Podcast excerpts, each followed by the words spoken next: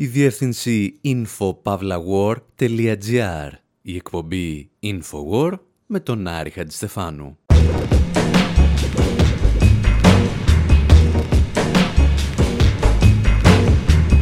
όπου σήμερα πεταγόμαστε μέχρι τη Βραζιλία για να επιβεβαιώσουμε ότι ακόμη και ένας διεφθαρμένος δημοκρατικά εκλεγμένος ηγέτης είναι πολύ καλύτερος από έναν δότο τεχνοκράτη. Ακούμε τον Νόαμ Τσόμσκι να αποκαλεί ληστές αυτούς που ανέτρεψαν την πρόεδρο της Βραζιλίας και αναρωτιόμαστε πώς γίνεται στην πρόσφατη ιστορία της Ευρώπης να καταλήγουμε με ένα μάτσο ληστές στην εξουσία χωρίς ένα πραξικόπημα και από την Βραζιλία πεταγόμαστε μέχρι τη Βενεζουέλα. Θέτουμε περίεργα ερωτήματα για το πετρέλαιο, τον πληθωρισμό και τον τουρισμό. Αναρωτιόμαστε εάν η οικονομική κρίση σηματοδοτεί μια αποτυχία του σοσιαλισμού ή αν υπήρξε ποτέ σοσιαλισμός. Porque o vento, ele é diferente em horas do dia. Então vamos supor que, que vente mais à noite. Que vente mais. Como é que eu varia para estocar isso? Como é que eu faria? Você joga de lá pra cá, de lá pra lá, de lá pra cá, de lá pra lá, de lá pra cá, de lá pra lá, de lá pra cá, de lá pra lá. Você joga. até agora, a energia hidrelétrica é a mais barata. Mais barata. Em termos, em termos do que ela dura a sua manutenção. E também pelo fato da água ser gratuita e da gente poder estocar. Então, se a contribuição dos outros países vamos supor que seja desenvolver uma tecnologia que seja capaz de na eólica estocar, ter, ter uma forma, ter, ter, ter uma forma, ter, ter uma forma de você estocar. Todos nós nos beneficiaremos, o mundo inteiro. Porque o vento Η κυρία που ακούτε όλη αυτή την ώρα είναι η πρώην πρόεδρος της Βραζιλίας, Ντίλμα Ρούσεφ, η οποία προσφάτως πάυθηκε από τα καθήκοντά της μέχρι να διερευνηθούν, λέει, καταγγελίες για τις προεκλογικές δαπάνες του κόμματός της. Η ίδια βέβαια δεν τραγούδισε ποτέ, αλλά κάποιοι θεώρησαν σκόπιμο να φτιάξουν ένα τραγουδάκι χρησιμοποιώντας μια παλαιότερη ομιλία της για τα αιωλικά πάρκα. Δηλαδή, τρέχα γύρευε. Αυτό που ποτέ δεν καταλαβαίνεις με τους Βραζιλιάνους ήταν πότε έπαιρναν τη Ρούσεφ στα σοβαρά και πότε την κορόιδευαν. Και τις περισσότερες φορές μάλλον την κορόιδευαν. Ή ακόμη χειρότερα, σε ορισμένες περιπτώσεις, την γιουχάιζαν. Επιστρέψαμε στο 2013 και μπήκαμε κρυφά στο Εστάντιο Νασιονάλ Μανεγκαρίντσα, στην Βραζίλια. Παρακολουθούμε την τελετή έναρξης του 13ου κυπέλου συνομοσπονδιών.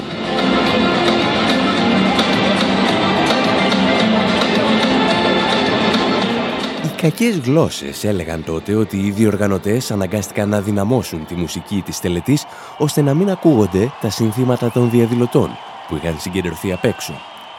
Το πρόβλημα όμως ήταν τι θα κάνανε με τον κόσμο που ήταν μέσα. Prezados amigos del fútbol a Brasilia.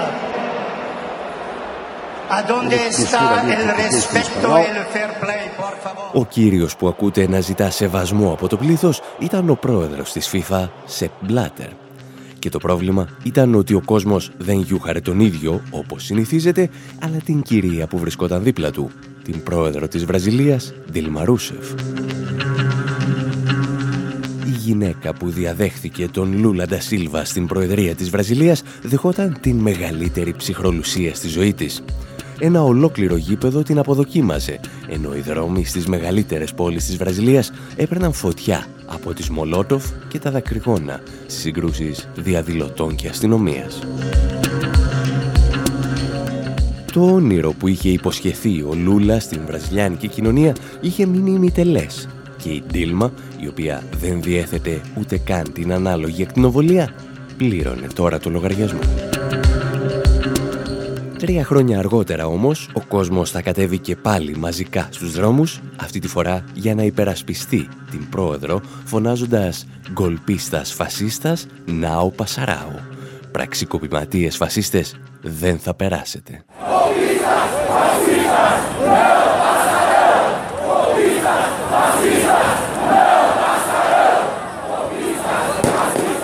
Ο απόϊχος των διαδηλώσεων έφτασε μέχρι και τις Κάνες, όπου οι ηθοποιοί και η παραγωγή βραζιλιάνικων ταινιών πραγματοποίησαν διαμαρτυρία για την πραξικοπηματική απομάκρυνση της Προέδρου της χώρας τους. During the movie's premiere at the Cannes Film Festival, the filmmakers unveiled banners against Brazil's new interim president with the message "We will resist."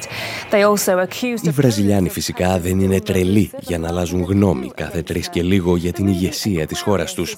Γνωρίζουν πολύ καλά ότι η πρόεδρος είχε υπό την εποπτεία της ένα διεφθαρμένο πολιτικό σύστημα. Γνωρίζουν όμως πολύ καλύτερα ότι η πραγματική απειλή για τη Βραζιλία είναι οι νεοφιλελεύθεροι τραπεζίτες που ανέτρεψαν τη Ρούσεφ. Τα εξηγούσε πολύ καλύτερα ο Νόαμ Τσόμσκι, μιλώντας πριν από μερικές ημέρες στο Democracy Now! Uh, first of all, there has been a massive level of corruption. Regrettably, the Workers' Party Καταρχήν υπήρχε εκτεταμένη διαφθορά από το Εργατικό Κόμμα, το κόμμα του Λούλα. Είχαν την ευκαιρία να πετύχουν κάτι εξαιρετικό και αναμφίβολα έκαναν πολλά θετικά βήματα, αλλά τελικά συμμετείχαν και αυτοί στη ληστεία μαζί με την υπόλοιπη οικονομική ελίτ. Από την άλλη, δεν μπορούμε να μην αναγνωρίσουμε ότι πρόκειται για ένα μετροπαθές πραξικόπημα. Οι ελίτ συχαίνονταν το Εργατικό Κόμμα και άδραξαν την ευκαιρία για να το απομακρύνουν από την εξουσία. Δεν περίμεναν τις εκλογές, τις οποίες γνωρίζουν ότι θα χάσουν, αλλά εκμεταλλεύτηκαν την οικονομική κρίση και τη διαφθορά που αποκαλύφθηκε which is serious, and the massive corruption that's been exposed. Το πρόβλημα με τους ανθρώπους που ανέτρεψαν τη Ρούσεφ είναι ότι εκπροσωπούσαν την οικονομική ελίτ. Δηλαδή ήταν ό,τι πιο διεφθαρμένο έχει να επιδείξει κάθε χώρα σε αυτό τον πλανήτη. Even the New York Times pointed out uh, Dilma Rousseff is maybe the one politician Ακόμα και οι New York Times αναγνώρισαν ότι η Dilma Rousseff είναι ίσως η μοναδική πολιτικός τέτοιου μεγέθους η οποία δεν έκλειψε για τον προσωπικό της πληθυσμό. Κατηγορείται για παραποίηση του προπολογισμού, αλλά αυτό είναι σύνηθες σε πολλές χώρες. Τα παίρνουν από τη μία τσέπη και τα βάζουν στην άλλη. Έτσι λοιπόν η μόνη πολιτικός που δεν έκλειψε για να προτίσει κατηγορείται τώρα από μια συμμορία ληστών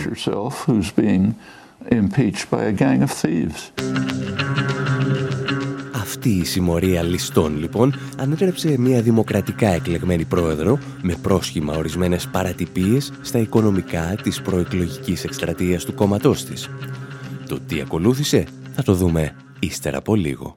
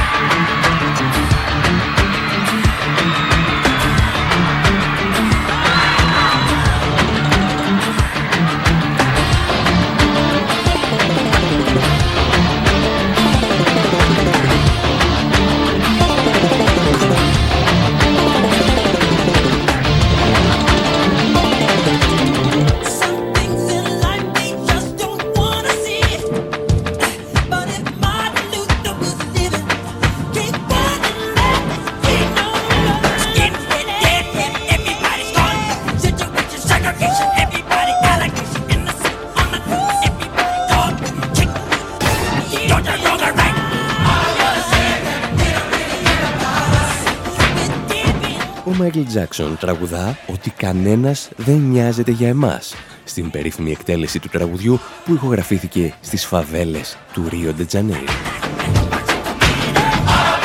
Είναι οι περιοχές της Βραζιλίας όπου τις προηγούμενες δεκαετίες η φτώχεια που προκάλεσαν οι πολιτικές της Παγκόσμιας Τράπεζας και του Διεθνούς Νομισματικού Ταμείου γιγάντωσαν ακόμη και το εμπόριο παιδικών οργάνων. Και τώρα οι Βραζιλιάνοι αισθάνονται ότι οι ίδιοι άνθρωποι που είχαν ανοίξει την πόρτα στο Διεθνές Νομισματικό Ταμείο ήρθαν και πάλι στην εξουσία. Για την ακρίβεια, το νέο Υπουργικό Συμβούλιο ήταν ένα συνδυασμό τραπεζιτών, γεωκτημόνων, στρατιωτικών και εγκληματιών του κοινού ποινικού δικαίου. Τα έλεγε όμως πολύ καλύτερα ο Μποβεντούρα Ντεσούσα Σάντος, καθηγητής οικονομικών από την Πορτογαλία που παρακολουθεί εδώ και χρόνια τις εξελίξεις στη Βραζιλία.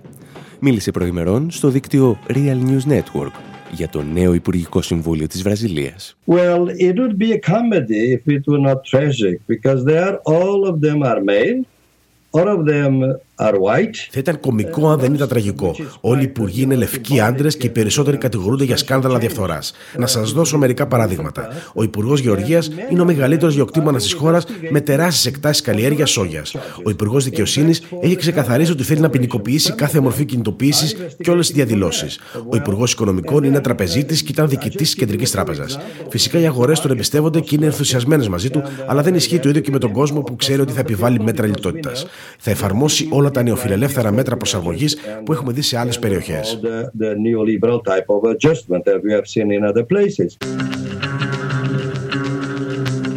Όπως έχουμε εξηγήσει βέβαια πάρα πολλές φορές, ο νεοφιλελευθερισμός είναι το σύστημα το οποίο απαιτεί την μεγαλύτερη κρατική παρέμβαση για να επιβληθεί. Και στην περίπτωση της Βραζιλίας χρειάστηκε και μια μικρή βοήθεια από το στρατό. There is a, novelty which is very troublesome. Is a new office that Office of Institutional Security. Υπάρχει μια προβληματική καινοτομία. Πρόκειται για τη δημιουργία του Υπουργείου Θεσμικής Σταθερότητας, επικεφαλής του οποίου είναι ο αρχηγός Γενικού Επιτελείου των Ενόπλων Δυνάμεων. Έχουν δηλαδή ένα στρατιωτικό στην κυβέρνηση. Κάτι που δεν συνιστάται πλέον στις δημοκρατίες της εποχής μας. Όσο για τον Υπουργό Εξωτερικών, έχει χαρακτηριστεί από τον Λούλα σαν αγαπημένο παιδί των Αμερικάνων.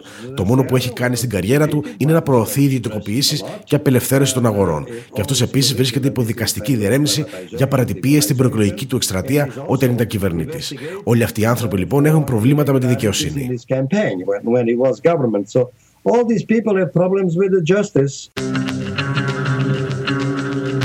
Μια παρέα τραπεζιτών, γεωκτημόνων και στρατηγών λοιπόν ανέλαβε την εξουσία στη Βραζιλία. Και αυτό, ό,τι και αν σας λένε, είναι πραξικόπημα. Αν πάλι ψάχνετε για περιπτώσεις που δεν αποτελούν πραξικόπημα, το ντοκιμαντέρ μας This is not a coup προβάλλεται για δεύτερη εβδομάδα. Στο Τριανόν στην Αθήνα, στο Σινεπαράδεισο στον Κορυδαλό, στο Σινεβίλ στην Τρίπολη, στο Λάμπαρτ στο Βόλο. Στις 10 Ιουνίου ερχόμαστε στο Λονδίνο για σειρά προβολών και εκδηλώσεων, ενώ προγραμματίζονται προβολές και στη Γαλλία και τις Βρυξέλλες. Όλα αυτά όμως μπορείτε να τα βρείτε στο site του ντοκιμαντέρ thisisnotacoup.com Προς το παρόν πάντως μένετε εδώ. Και εμείς μένουμε στη Λατινική Αμερική. Των ανατροπών και των πραξικοπηματιών.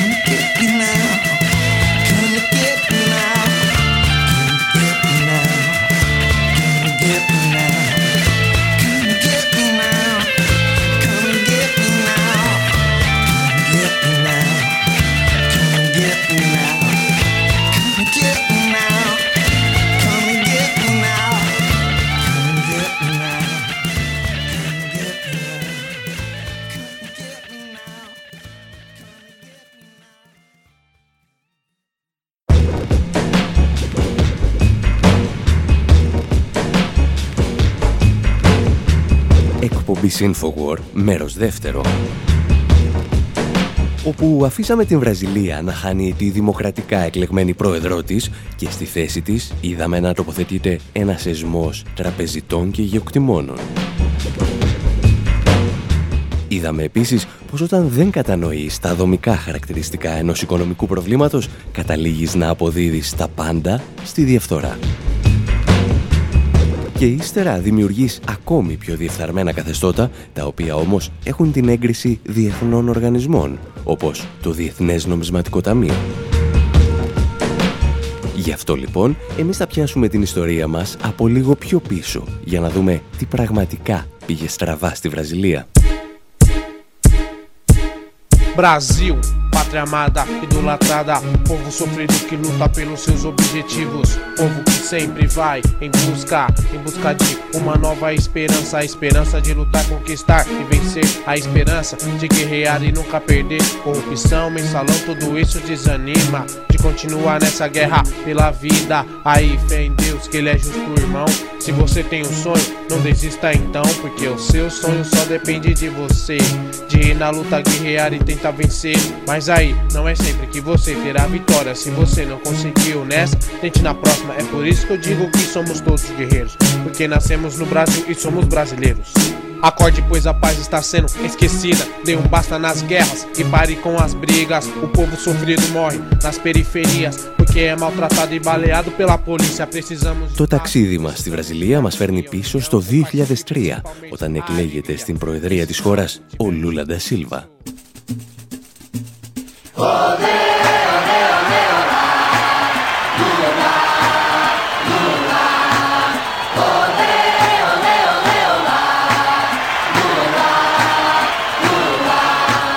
Adianta tentarem me calar.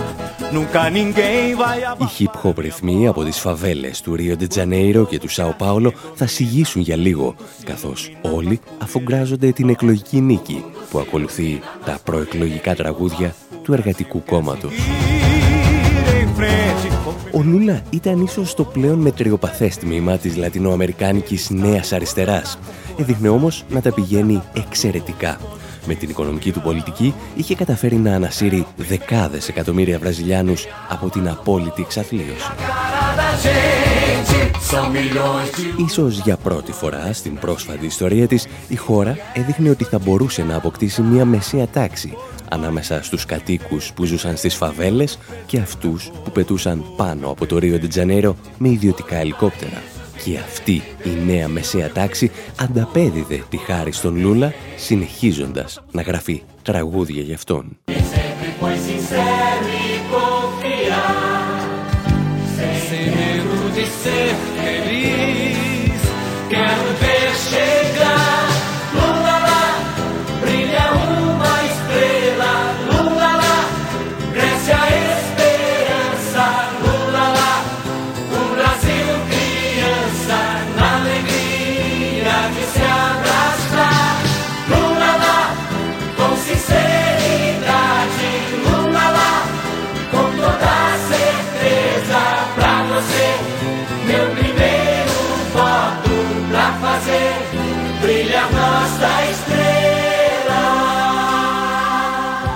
Θρίαμβος του Λούλα έδειχνε τόσο μεγάλος, ώστε κάθε πλευρά ήθελε να τον αξιοποιήσει πολιτικά προς όφελός της.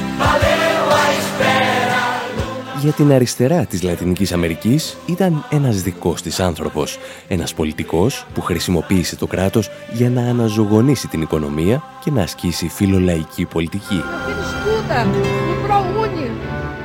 Το πρόβλημα ήταν ότι δικό τους άνθρωπο τον θεωρούσαν και οι Ευρωπαίοι Σοσιαλδημοκράτες Ίσως η σημαντικότερη απόδειξη ότι και αυτό το καρπούζι κινδύνευε να αποδειχθεί μάπα. Το Infowar ταξίδεψε δύο φορές στη Βραζιλία την τελευταία δεκαετία συνομιλώντας με τους ανθρώπους της φαβέλες αλλά και στα μεσαία στρώματα της βραζιλιάνικης κοινωνίας. Και πάντα συγκρατούσαμε μία συνέντευξη που μας είχε παραχωρήσει ο Χουάν Πάμπλο Πανσέιρα, αναλυτής στο Ινστιτούτο Οικονομικών του Πανεπιστημίου της Βραζιλίας.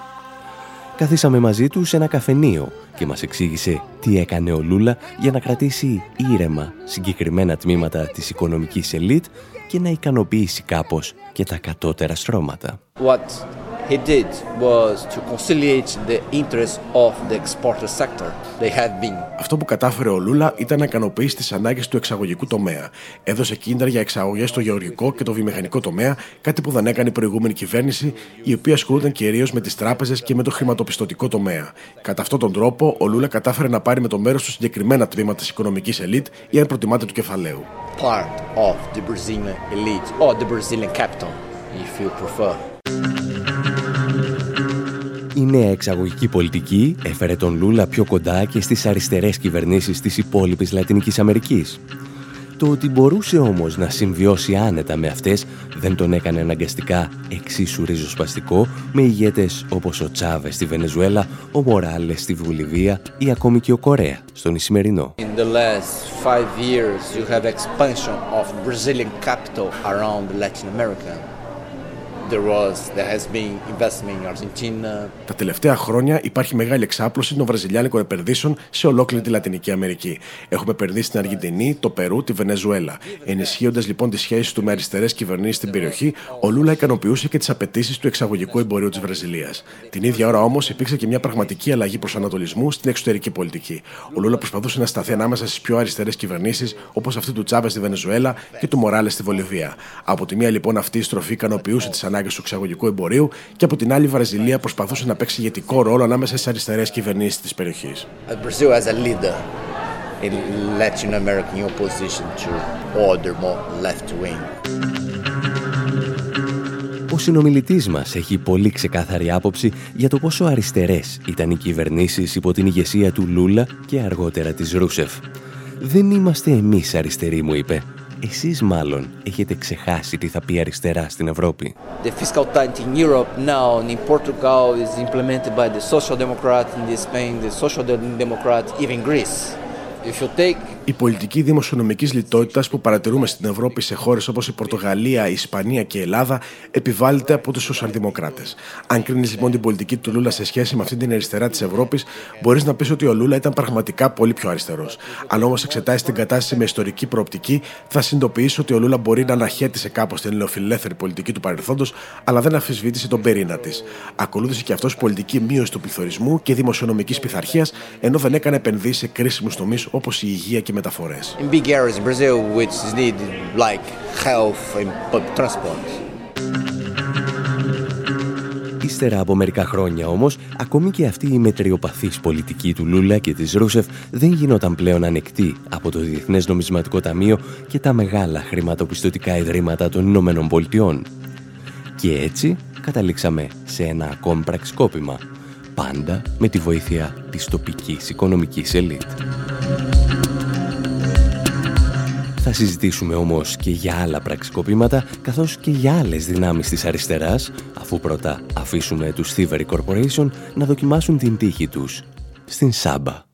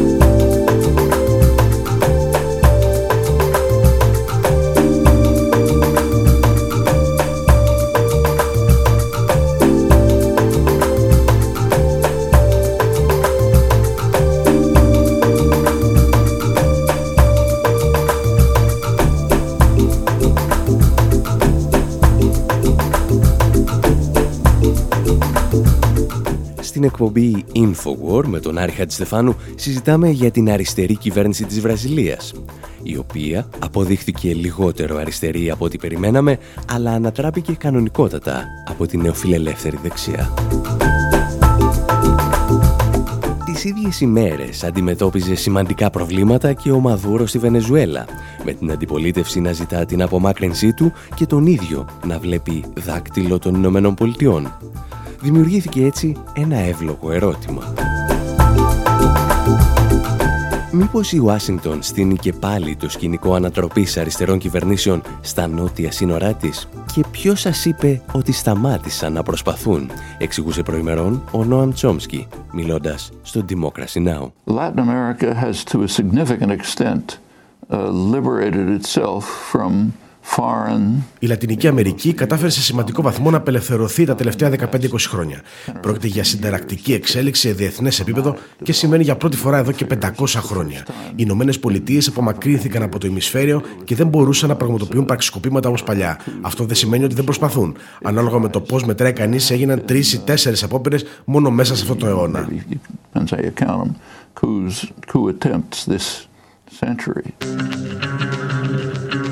Όπως συνηθίζει σε τέτοιες περιπτώσεις, ο Νόμ Τσόμσκι άρχισε να απαριθμεί τις παρεμβάσεις των Ηνωμένων Πολιτειών τα τελευταία χρόνια στη Λατινική Αμερική.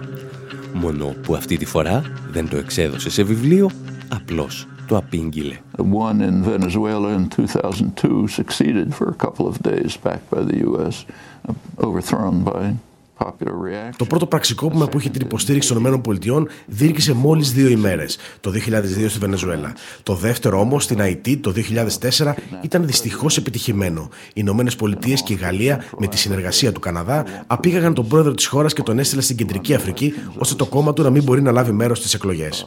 Με την άφηξη του Ομπάμα είχαμε το πραξικόπημα στην Ουνδούρα, με το οποίο ανατράπηκε ένας μεταρρυθμιστής πρόεδρος. Οι Ηνωμένες Πολιτείες ήταν σχεδόν η μοναδική χώρα που νομιμοποίησε το νέο καθεστώς. Η Ονδούρα που πάντα έχει μια πολύ φτωχή και καταπιεσμένη κοινωνία μεταμορφώθηκε σε ένα πραγματικό κολαστήριο. Πρόσφυγες προσπαθούσαν να διαφύγουν και εμείς του πετούσαμε πάλι στη βία την οποία είχαμε προκαλέσει. Τέλος, υπήρχε και ένα είδος ημιπραξικοπήματος στην Παραγουάη με στόχο την απομάκρυνση ενός προοδευτικού κληρικού, ο οποίος είχε αναλάβει τη διακυβέρνηση της χώρας.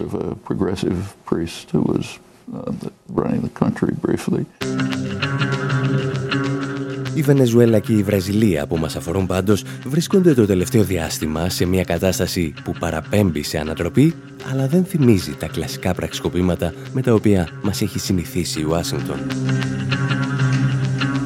Μόλις πριν από λίγες ημέρες, η δεξιά αντιπολίτευση στη Βενεζουέλα κάλεσε ανοιχτά το στρατό να σταθεί στο πλευρό της. Και την τελευταία φορά που το έκανε αυτό, το 2002, ο Ούγκο Τσάβες ανατράπηκε, έστω και για δύο ημέρες.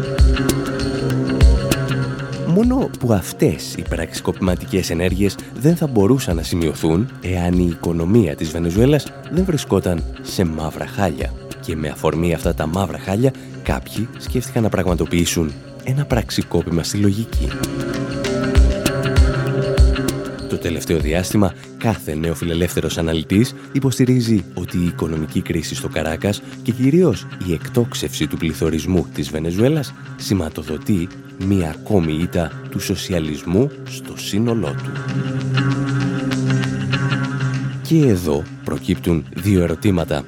Καταρχήν, σχετίζεται η οικονομική κρίση με την πολιτική παροχών των κυβερνήσεων Τσάβας και Μαδούρο; Και κατά δεύτερον, ήταν αυτή η πολιτική σοσιαλιστική; Για το πρώτο ερώτημα έχουμε απαντήσει και στο παρελθόν. Ο πληθωρισμός είναι ένα δομικό πρόβλημα της οικονομίας της Βενεζουέλας που απασχολούσε την χώρα αρκετές δεκαετίες πριν αναλάβει την εξουσία ο Ούγκο Τσάβες. Τα εξηγούσε τότε, αν θυμάστε, ο καθηγητής οικονομικών Gregory Wilpert. Venezuela actually has had a problem with inflation already ever since the early 1980s. As a matter of fact, in the 1990s, inflation averaged... Uh, Η Βενεζουέλα αντιμετώπιζε πρόβλημα με τον πληθωρισμό από τις αρχές της δεκαετίας του 80. Τη δεκαετία του 90 μάλιστα έφτασε στο 50%, ενώ στα χρόνια της διακυβέρνησης Τσάβες έπεσε περίπου στο 20% με εξαίρεση το 2013. Είναι ένα παλιό πρόβλημα το οποίο σχετίζεται με τη λεγόμενη Ολλανδική ασθένεια. Προκύπτει από την εισρωή πετροδολαρίων στην οικονομία τα οποία οθούν τις τιμές των προϊόντων και των μισθών προς τα επάνω. Πρόκειται για ένα δομικό πρόβλημα το οποίο αντιμετωπίζουν πολύ συχνά οι οικονομίες που στηρίζονται στο πετρέλαιο.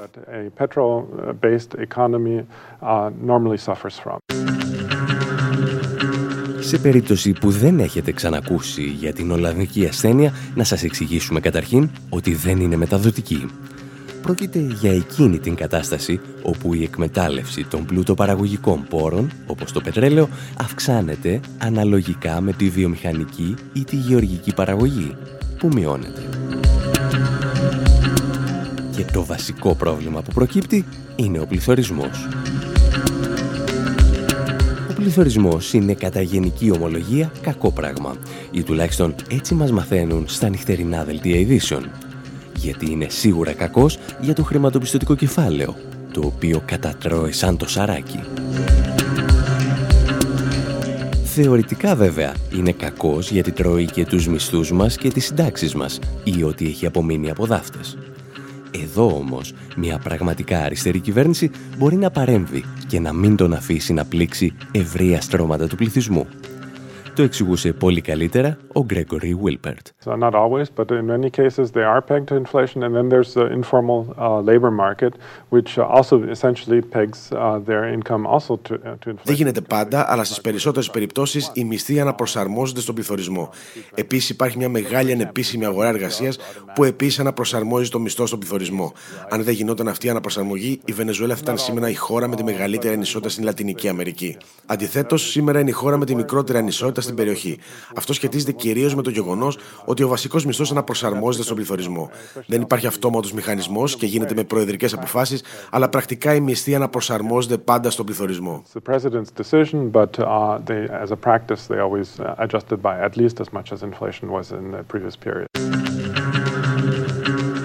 Η περίπτωση της Βενεζουέλας αποδείκνυε ότι η προστασία του πληθυσμού από τον πληθωρισμό δεν είναι οικονομική, αλλά πολιτική απόφαση. Μια χώρα μπορεί να επιβιώνει, έστω και για μικρά χρονικά διαστήματα, ακόμη και με πολύ υψηλά επίπεδα πληθωρισμού, χωρίς να φύγονται αναγκαστικά τα λαϊκά στρώματα. Δυστυχώς όμως η κατάρρευση των τιμών του πετρελαίου δεν επιτρέπει πλέον στην κυβέρνηση της Βενεζουέλας να ασκεί αυτή τη φιλολαϊκή πολιτική.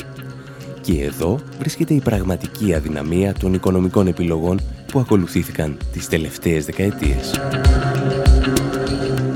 Ούτε ο Τσάβες ούτε ο Μαδούρο επιχείρησαν να απελευθερώσουν την οικονομία από το πετρέλαιο, που ουσιαστικά καλύπτει πάνω από το 90% του ακαθάριστου εθνικού προϊόντος της χώρας. Το πρόβλημα της οικονομίας δηλαδή δεν ήταν ότι ξόδευαν πολλά για τον πληθυσμό, αν και ξόδευαν πολύ περισσότερα από εκατοντάδες άλλες χώρες, αλλά ότι δεν είχαν διαφορετικές πηγές εσόδων. Αν λόγου χάρη αύριο καταρρεύσει ολοκληρωτικά ο τουριστικός τομέας στην Ελλάδα από εξωγενείς παράγοντες, δεν θα φταίει το οικονομικό σύστημα, είτε αυτό είναι καλό είτε κακό. Θα φταίει η μεγάλη εξάρτηση της χώρας από μία και μόνο πηγή εισοδήματος.